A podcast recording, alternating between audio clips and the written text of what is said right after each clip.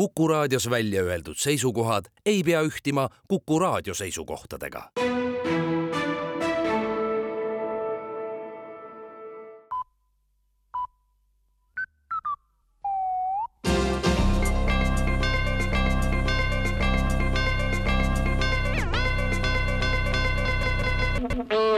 uudised on eetris ja stuudios Rohke Debelak valitsus annab teada, et on pikaajaliste uuringute teel teinud kindlaks vaesuse peamised põhjused ja tuginedes arvukatele vestlustele vaesusesse langenud inimestega, võib pea sajaprotsendilise tõenäosusega väita, et vaesuse otseseks põhjuseks on rahapuudus siiski suureneb allpool vaesuspiiri elavate inimeste arv ja valitsuse sõnul on see ka üks probleemi lahendus kui inimene elab allpool vaesuspiiri, siis ta pole vaene. kui talle aga toetusi maksta, siis ta hakkab vaesuspiiril altpoolt lähenema ja saabki vaeseks. Kui inimeste hoidmine ülevalpool vaesuspiiri ei ole riigile jõukohane, siis tuleb minna teist teed ja aidata inimestel püsida allpool vaesuspiiri. seda saab teha senise toetuste süsteemi põhjaliku kärpimise abil ja eeskätt on luubi all vabakutselised loometöötajad, keda ähvardab kõige suurem vaeseks toetamise oht transpordiamet ja Majandusministeerium on aga saanud valmis muruniidukimaksu esimese variandi, mis maksustab niidukid võimsuse ja CO2 heite põhjal mitmes eri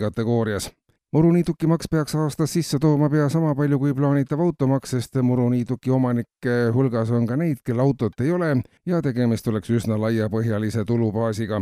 kindlasti on inimesi, kes pärast automaksu otsustavad autost loobuda ja jääda koduseks, siis just muruniiduki maksu kaudu saab ka neilt ikkagi raha kätte. maks sunniks inimesi rohkem kasutama elektrilisi niidukeid või lausa vikateid, mis on veel parem lahendus, sest vikatimaksu tulekuni on veel paar aastat aega, märgib valitsuse teade eile ka vaatas Tallinna linnavalitsus üle uuringu tulemused, milledest selgub, et tasuta ühistransport ei ole pannud kedagi autost loobuma.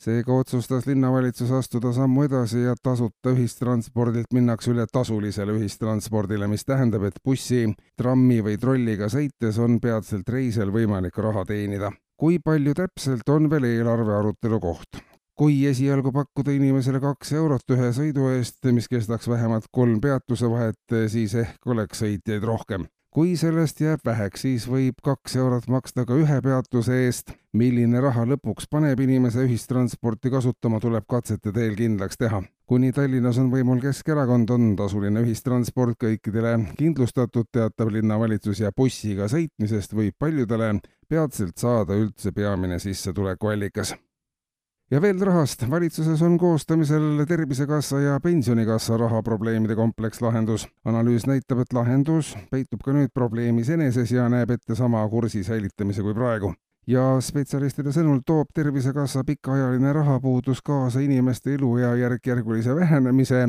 ja tulevikuks prognoositud suur pensionäride arv ei pruugi üldse täide minna. mida kehvema tervisega on inimesed, seda väiksem osa neist pensionieani välja venitab kui jätta kõik nagunii, siis on tulevikus pensionini välja vedanud vähestel inimestel pensionikassast raha küllaga võtta, märgib analüüs.